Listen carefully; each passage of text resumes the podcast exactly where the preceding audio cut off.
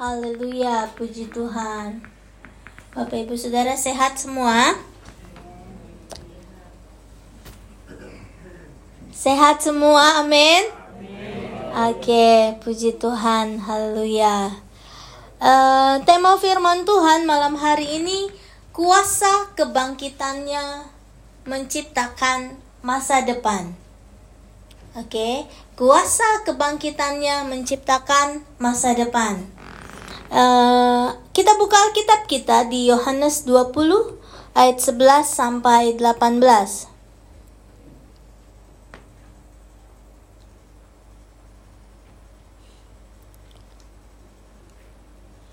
Yohanes 20 ayat 11 sampai 18.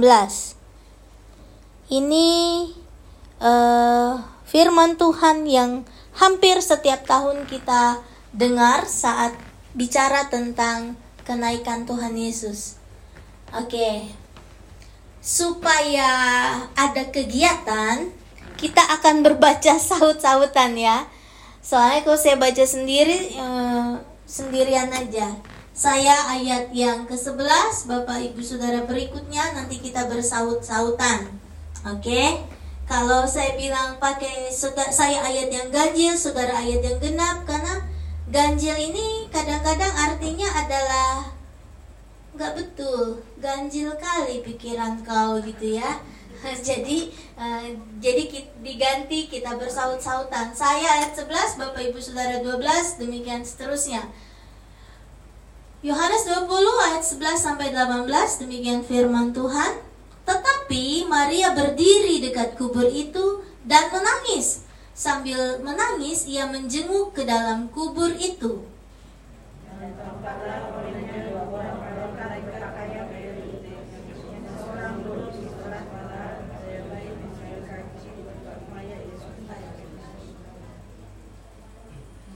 Kata malaikat-malaikat itu kepadanya, Ibu, mengapa engkau menangis? Jawab Maria kepada mereka, Tuhanku telah diambil orang dan aku tidak tahu di mana ia diletakkan.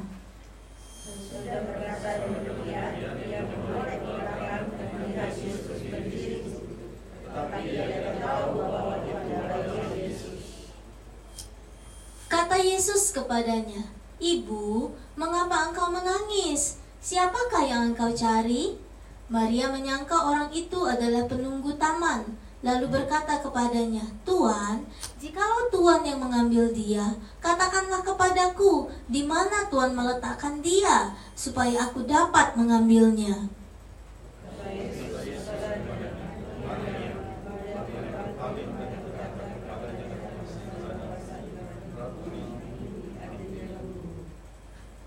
Kata Yesus kepadanya, Janganlah engkau memegang aku, sebab aku belum pergi kepada Bapa. Tetapi pergilah kepada saudara-saudaraku dan katakanlah kepada mereka bahwa sekarang aku akan pergi kepada Bapakku dan Bapamu, kepada Allahku dan Allahmu.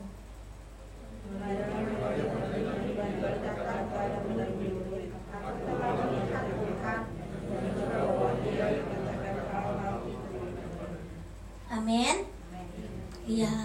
Jadi ceritanya adalah bahwa Maria di hari Minggu pertama dia datang ke kuburan Yesus dan dia tidak mendapati mayat Yesus di situ. Dia bertemu dengan dua orang malaikat dan uh, dia tanya di mana mayatnya. Ternyata ada Yesus di situ. Tetapi Maria tidak menyadari bahwa itu Yesus.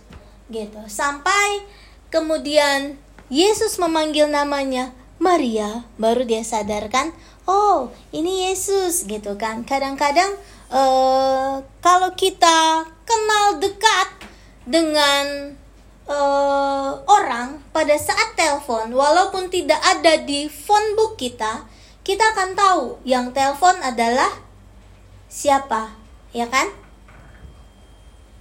Dia bengong-bengong begini nih kalau saya khotbah nih, ya, iya kan?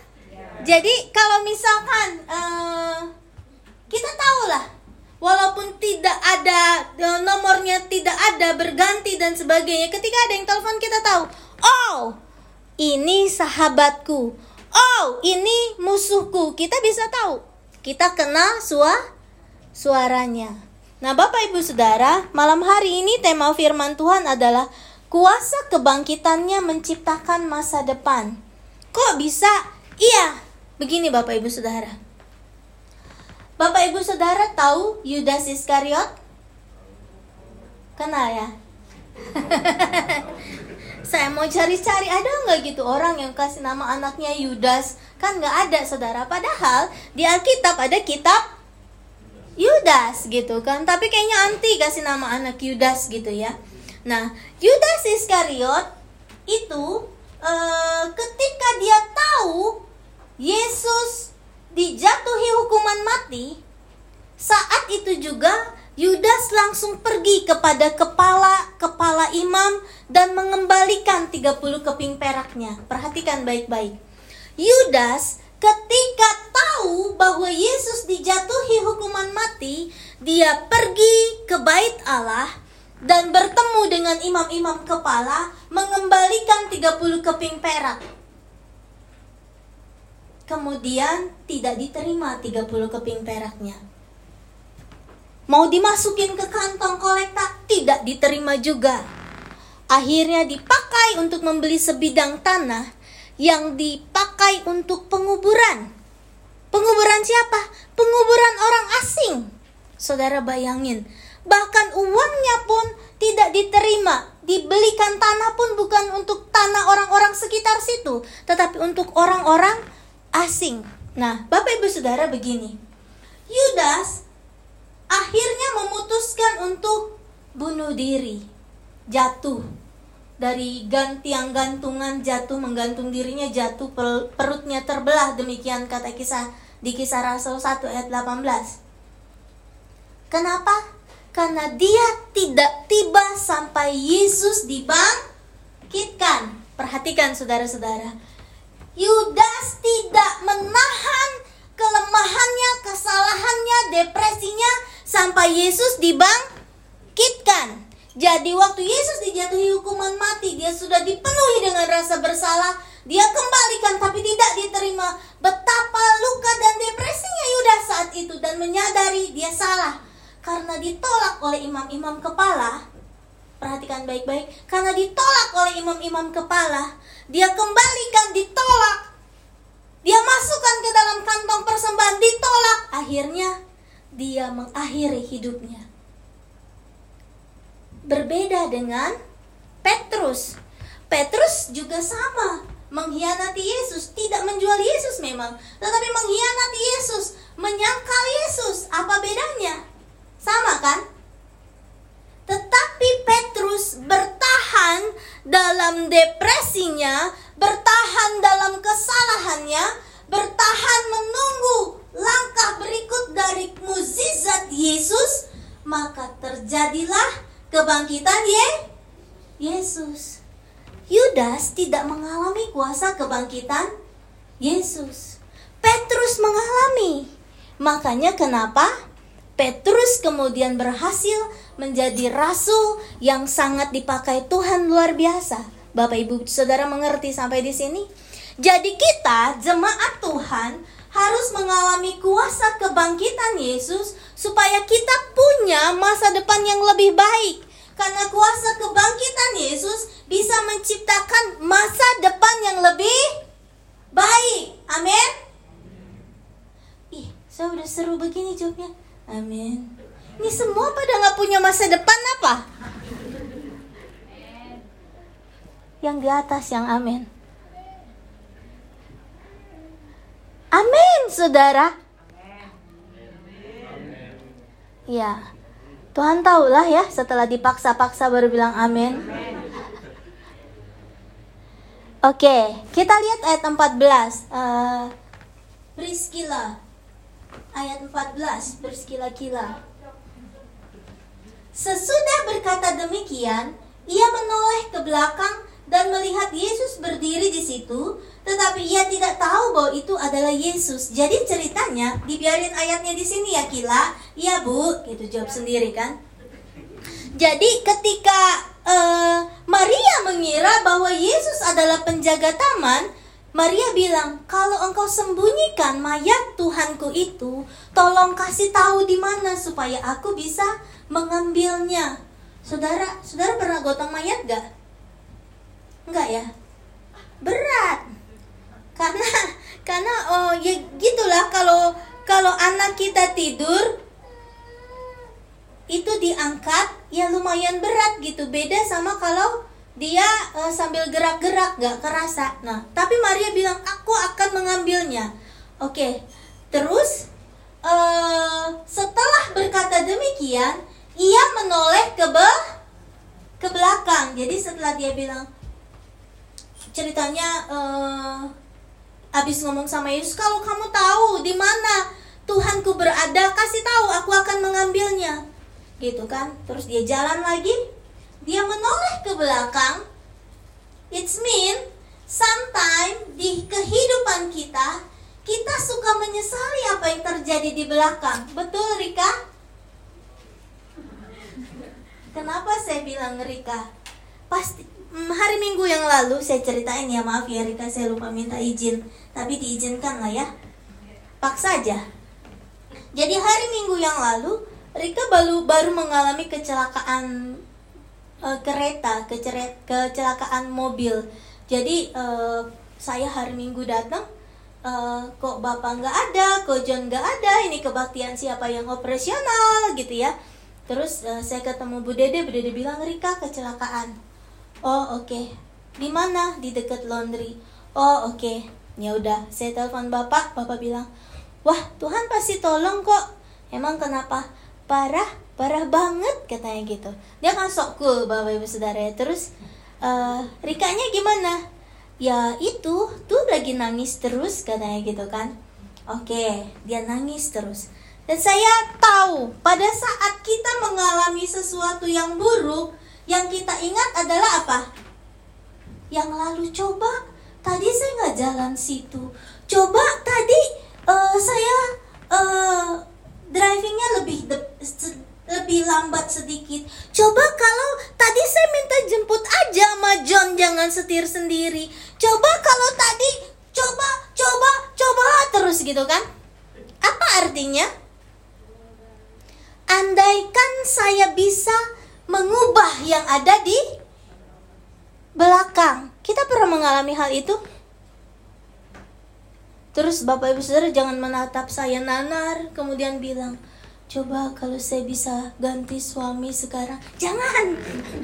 Coba kalau saya bisa ganti istri sekarang Aduh Kok bisa saya refund, saya refund gitu kan? Bukan itu maksudnya. Ketika kita menghadapi satu tantangan Ketika kita menghadapi satu masalah Kita ingat Coba kalau dulu saya nggak begitu. Coba kalau dulu saya lebih baik. Coba kalau sebelumnya saya tidak melakukan A, B, C, D. Selalu ada penyesalan.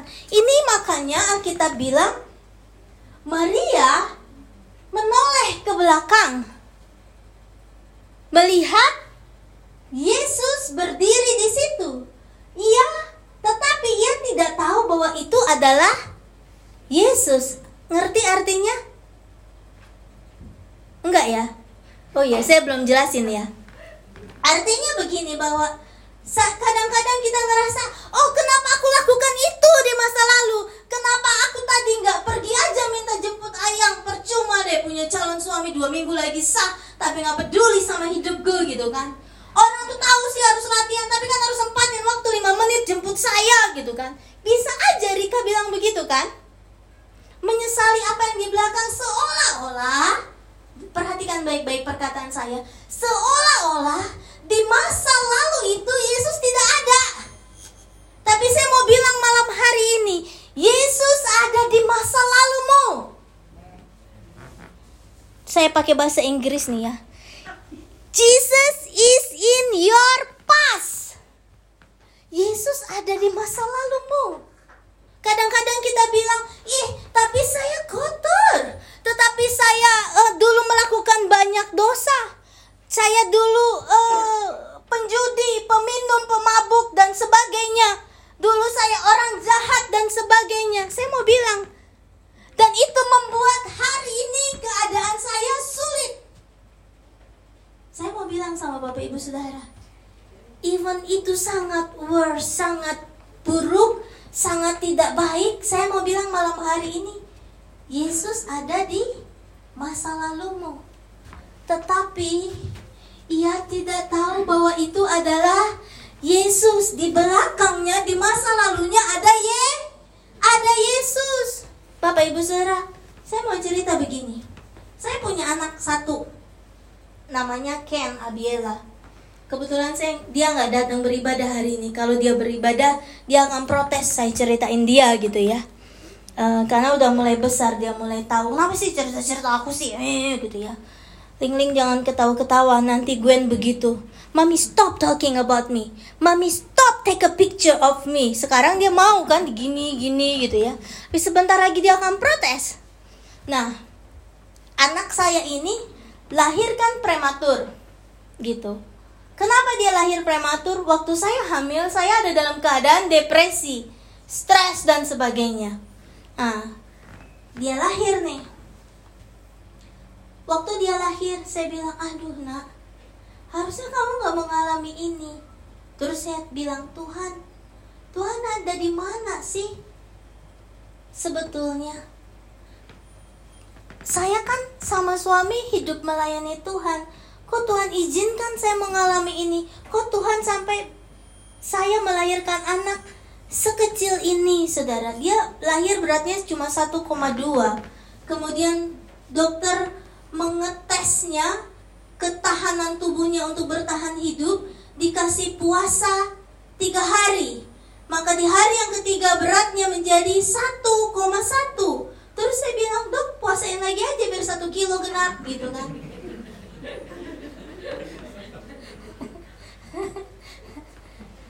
terus oke okay. oh dia kuat dia kuat bertahan katanya at the time saya bilang Tuhan di mana engkau kenapa buat begini kenapa ini terjadi seolah-olah waktu hamil Tuhan gak ada di situ waktu melahirkan Tuhan gak ada di situ udah gitu satu minggu di rumah sakit keluar tumor di kepalanya twing muncul keluar gitu kayak stroberi namanya stroberi hingga hemi hemangioma twing keluar.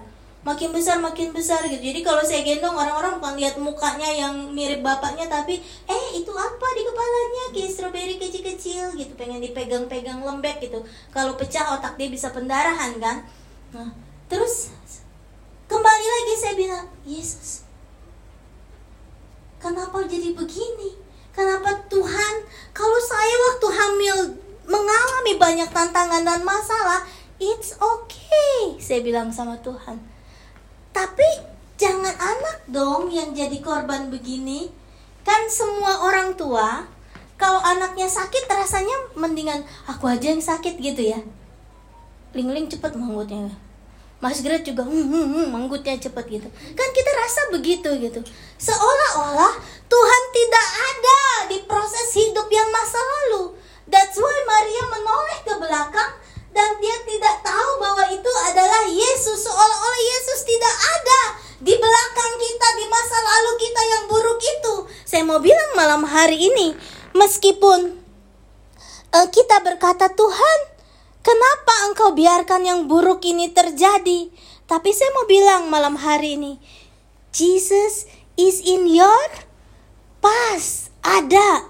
Dia tahu, dia mengerti, dia menerima, dia ada, dan dia sanggup mengubah masa lalu kita untuk membawa ke masa kini yang lebih lebih baik. Menjadi penuh dengan harapan. Kok nggak ada amin ya?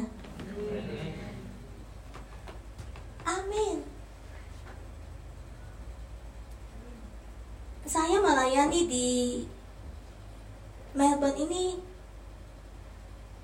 10 tahun kayaknya ya Saya ada ketika Fitri baru datang Saya berstrategi dengan dia Melarikan diri dari airport gitu ya Oh ya jujur jujur gitu ya Wah pokoknya seru saudara Kayak FBI begitu ya ceritanya And then dia sekarang ada di sini sampai hari ini. Lihat proses kehidupannya. Even saat itu dia mungkin merasa, kenapa sih? Kenapa sih? Kenapa sih? Tapi dengar baik-baik. Jesus sudah ada in your past. Even your past is really bad. It's a worse condition. But Jesus is in your past. Jadi kalau Yesus tahu, Yesus ada di masa lalu kita, dia akan terus jalan bersama-sama mengiringi kita ke present condition sekarang ini, di kondisi yang sekarang ini. Amin. Itu kalau kita mengalami kuasa kebangkitan Yesus. Ayat yang ke-16. Kita lihat.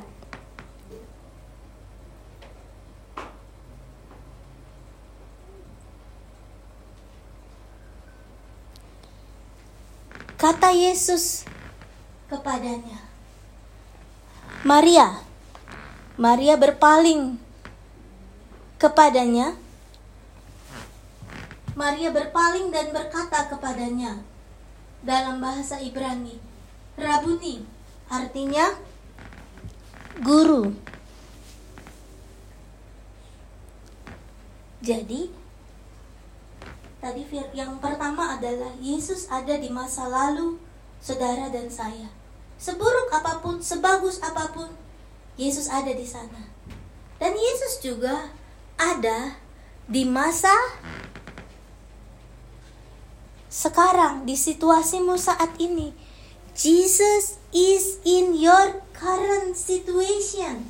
Di situasimu saat ini. Makanya Yesus langsung panggil Maria. Ketika Maria menoleh, dipanggil, berpaling, akhirnya dia bilang, Rabuni, artinya guru. Apa sih maksudnya?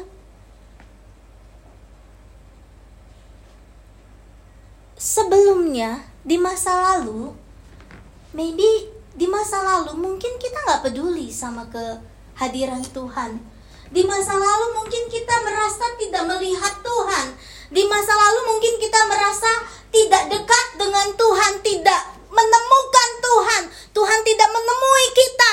Pokoknya Tuhan cuek pak kita gitu ya. Tidak menyadari bahwa Yesus ada. Tetapi sebetulnya Yesus ada di sisimu saat itu. Bapak Ibu Saudara Maria Magdalena ini ada yang bilang bahwa dia pernah kerasukan tujuh setan dan Yesus mengusir tujuh roh setan dari dia. Ada juga yang bilang Maria Magdalena ini adalah perempuan berdosa yang berzina yang diampuni dosanya sama Yesus. Apa pun betapa buruk yang ada di masa lalu, Yesus bilang, "Aku ada di masa lalumu." Dan sekarang ketika dia mencari Yesus, mencari bukan mencari Yesus Saudara malah. Ketika dia mencari mayatnya Yesus. Saudara, kita bilang aku mencari Yesus datang ke rumah Tuhan. Aku menghampiri Yesus. Maria Magdalena itu mencari mayatnya Yesus. Yang dia pikirkan ini udah gak bisa apa-apa tapi aku mau urus. Yesus ada di situasi Maria saat itu. Meskipun saat itu Maria mengira Yesus yang mencuri mayatnya Yesus. Kan Yesus bingung, "Mas aku mencuri mayatku sendiri sih?" gitu kan? Gimana caranya dong? Ah, pun deh gitu.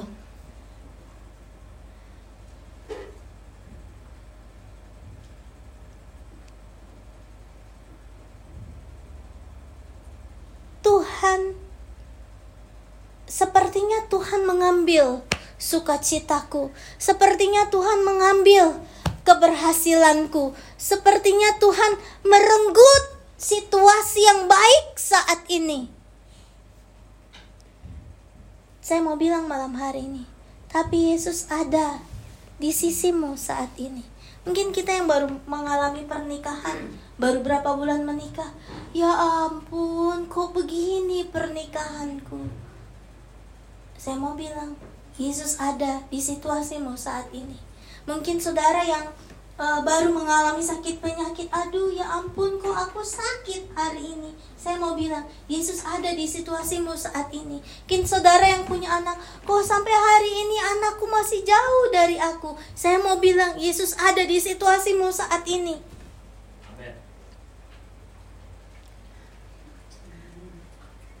Mungkin ada yang bilang lagi, saudara, saya cerita nih Bapak Ibu Saudara.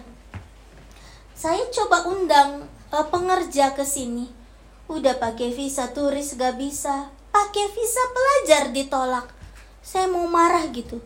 Kamu gak genuine, gak jujur mau ada di Australia secara legal. Saya bilang kurang jujur apa lagi ini?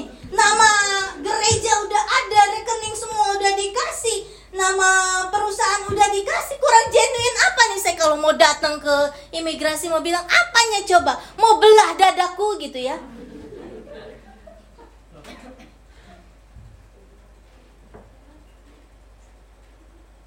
menurut mereka nggak genuine. Sementara ada orang yang benar-benar bawa backpack, wah aku mau ke Australia, padahal dia bilang wah aku mau menggelapkan diri di Australia, dikasih, dapat visanya. Oh Tuhan Yesus, kok nggak bela? Kau punya hambanya, celah gitu ya. Kenapa gitu?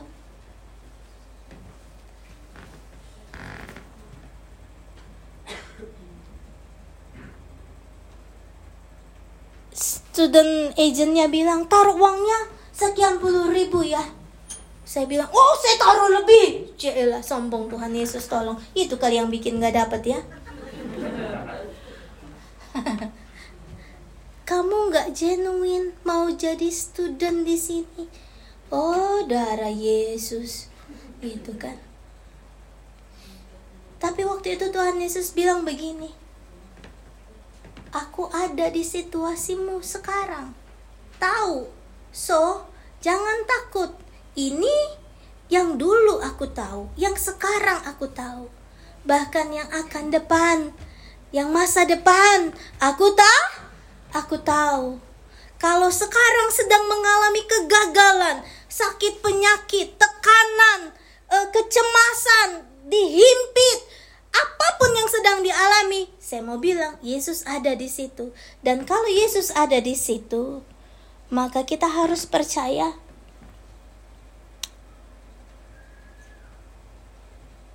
firman Tuhan akan terjadi di dalam kehidupan kita. Amin.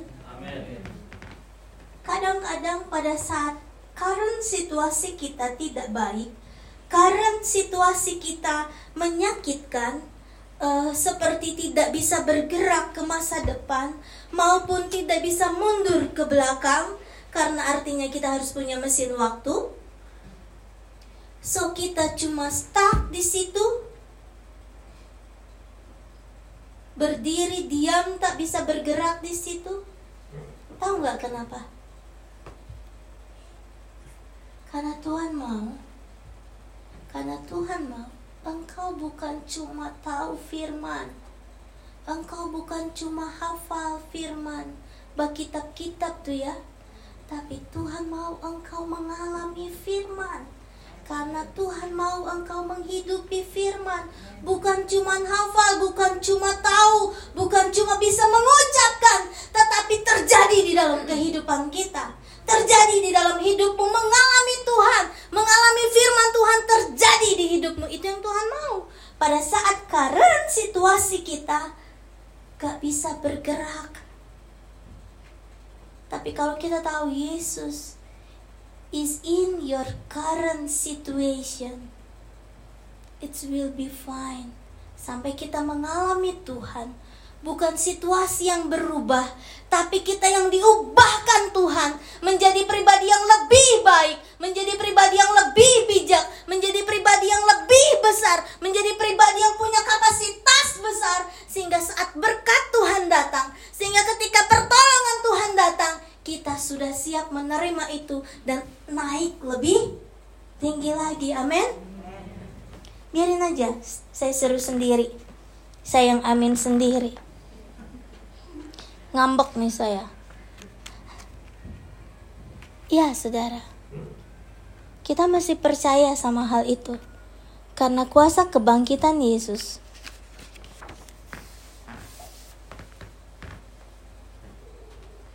Dialami oleh Maria Magdalena.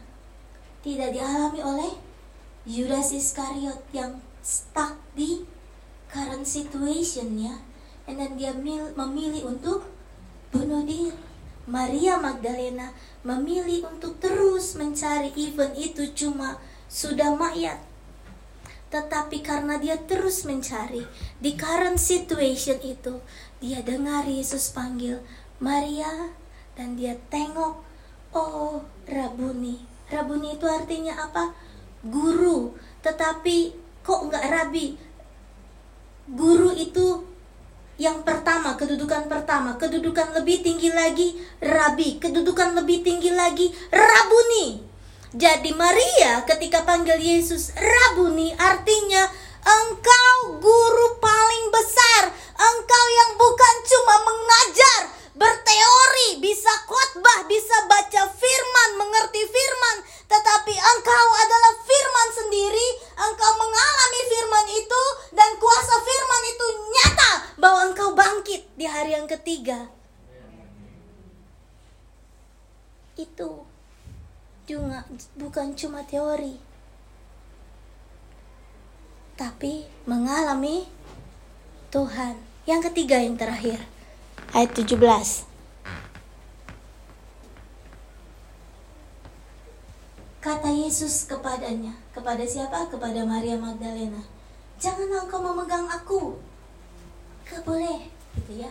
Sebab aku belum pergi kepada Bapa, tetapi pergilah kepada saudara-saudaraku dan katakanlah kepada mereka bahwa sekarang aku akan pergi kepada Bapakku dan Bapamu, kepada Allahku dan Allahmu apa sih artinya?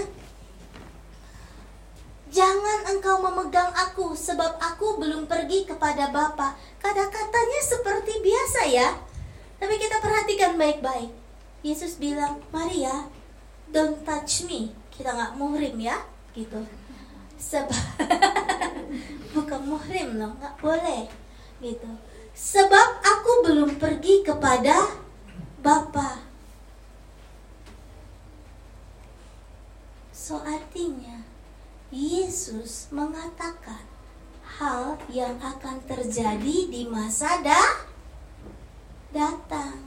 Yesus mengatakan hal-hal mengenai masa depan. Jadi yang ketiga, Yesus ada di masa depanmu. Jesus in your future.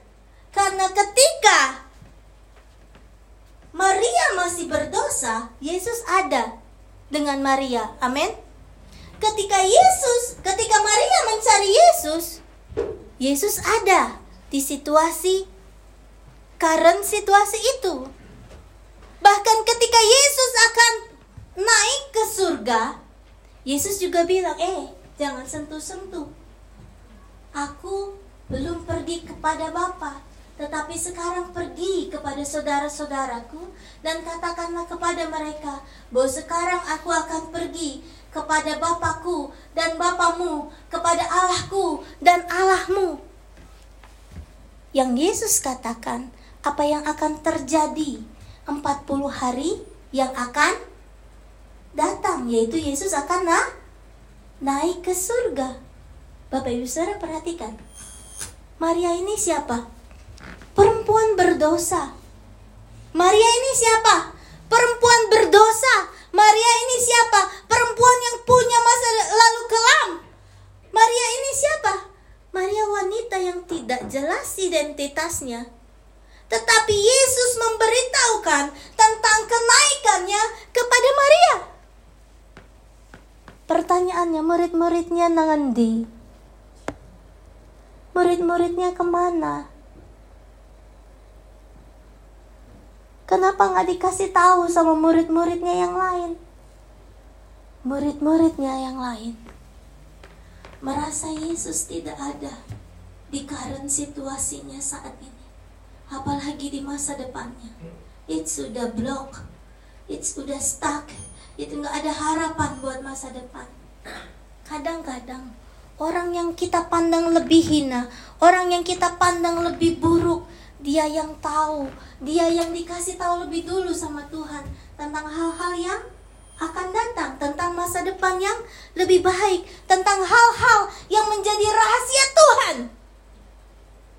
Kita kalau dikasih tahu rahasia orang, tetapi Maria nih dikasih tahu tentang rahasia tuh Tuhan. Orang yang tidak ikut berkeliling-keliling dengan Yesus ketika Yesus melayani. Orang yang tidak lihat Mukjizat orang buta disembuhkan. Orang lumpuh berjalan dia tidak lihat. Dia tidak lihat ketika Yesus memberi makan 5000 orang tidak lihat. Murid-muridnya 12 lihat. Tetapi in current situation, situasi mereka semua lari ketakutan, takut menghadapi hari itu dan masa depan. Tapi Maria Tetapi Maria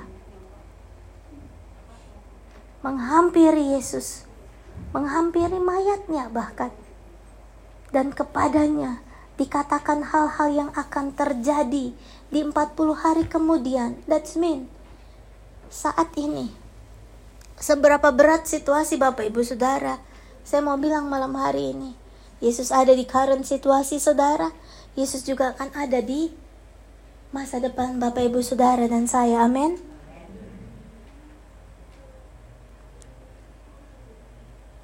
Meskipun rasanya Tuhan saat ini tidak memegang tangan kita.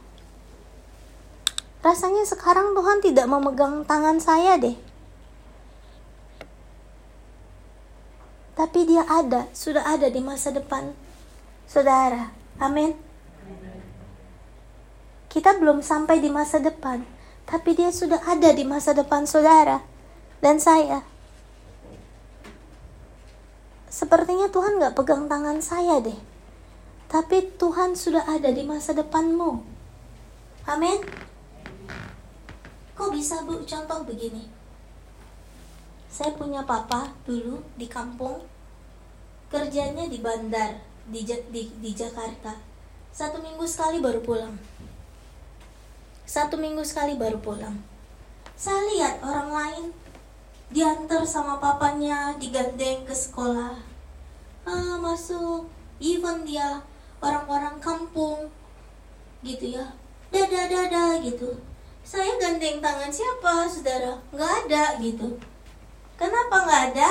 Saya sama kakak saya bedanya lima tahun. Saya kelas satu dia udah masuk SMP jadi saya sendirian gitu di sekolah rendah. Yang kakak saya yang paling di atas saya udah di sekolah menengah. Saya sendirian orang lain diantar. Mamanya papanya mama saya sibuk menjahit. Saya disuruh jalan sendiri sana jalan gitu ya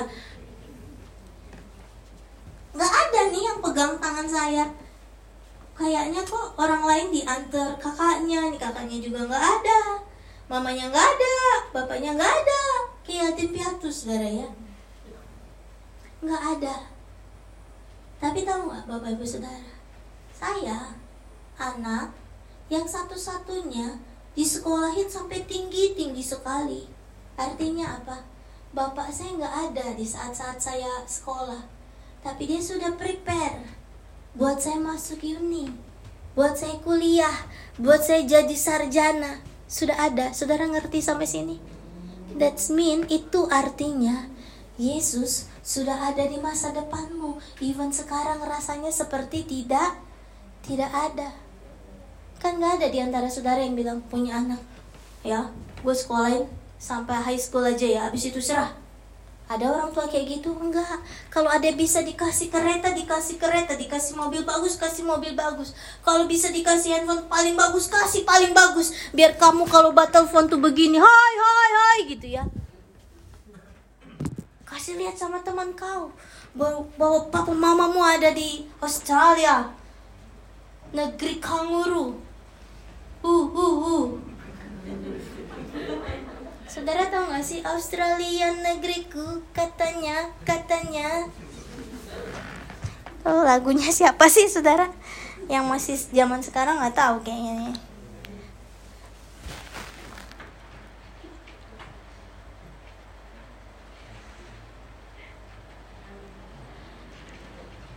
Sepertinya saat saya kecil itu oh yang saya jalani nggak pasti saudara. Kenapa saya ini begini-begini kan Cina ya saudara ya. Teman-teman saya bukan. Jadi kalau saya saya punya mama sangat eksperimen gitu ya. Rambut saya dikeriting saudara ya. Saudara tahu gak sih dikeriting? Ya. Begitu sipit sekolah sendirian kakaknya nggak ada bapaknya nggak ada emaknya nggak ada rambutnya keriting pakai rok yang dijahit mamanya sendiri baju dijahit mamanya sendiri gitu yang lain bajunya bagus gitu. Terus dipanggil amoy amoy ih saudara. Belum lagi apa lagi? Cinagong cinagong. Saudara tahu gak sih cinagong? Cina makan bagong, bagong itu babi, makan babi sekaleng gitu. Saat itu saya kadang gitu pulang toto benjut matanya gitu. Saya berantem sama orang gitu kan.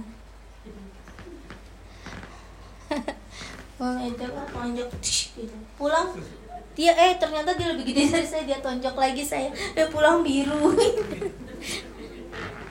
Aduh, ini kenapa cerita begini sih? Seolah-olah kok situasi sekarang ini saya harus bekerja keras, bersusah payah seolah-olah masa depan itu tidak ada, tapi saya mau bilang Jesus is in your future. Amin.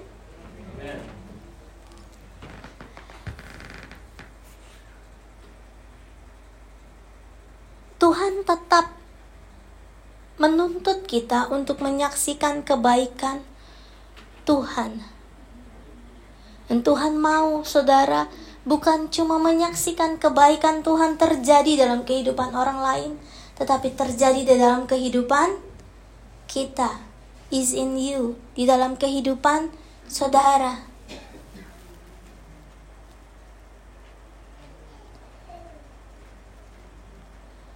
Kadang-kadang kita ngelihat kok orang jahat berhasil ya. Kok orang yang melukai saya berhasil ya. Kita harus percaya bahwa janji-janji Tuhan tetap terjadi dalam kehidupan kita. Amin. Ayat 18 yang terakhir dibilang di situ apa? Maria Magdalena pergi dan berkata kepada murid-murid yang lain maksudnya yang tidak tahu rahasia kenaikan Yesus itu. Maria yang bilang, "Aku telah melihat Tuhan," dan juga bahwa Dia mengatakan hal-hal itu kepadanya. Artinya apa? Dari mulut seorang wanita pendosa ini, wanita yang tidak baik ini, dia yang menyaksikan, dia yang menjadi penyambung lidah atas pekerjaan-pekerjaan Tuhan, atas rencana-rencana Tuhan di masa yang akan datang. Bapakku dan Bapamu. Coba ke ayat 17 Dekila. Bahwa sekarang aku akan pergi kepada Bapakku kata Yesus dan Bapakmu. Bapak kita sama kepada Allahku dan Allahmu. Allah kita sama in the future situation. Kita akan bersama-sama dengan Tuhan. Kita akan punya kemuliaan yang sama dengan Tuhan. So, yang buruk di masa lalu, Tuhan tahu dan Tuhan sedang kerjakan sampai current situation sekarang, sampai situasi sekarang. Dan Tuhan akan terus ada bersama-sama saudara, bahkan akan menceritakan, melakukan hal-hal yang luar biasa di masa depanmu sekalipun. So apa yang berat yang sekarang terjadi di masa lalu yang terjadi seolah-olah masa depan tidak ada harapan. Tetapi saya mau bilang bahwa Tuhan ada di masa lalu, masa sekarang maupun masa depan kita. Amin. Saya undang singer, song leader maju.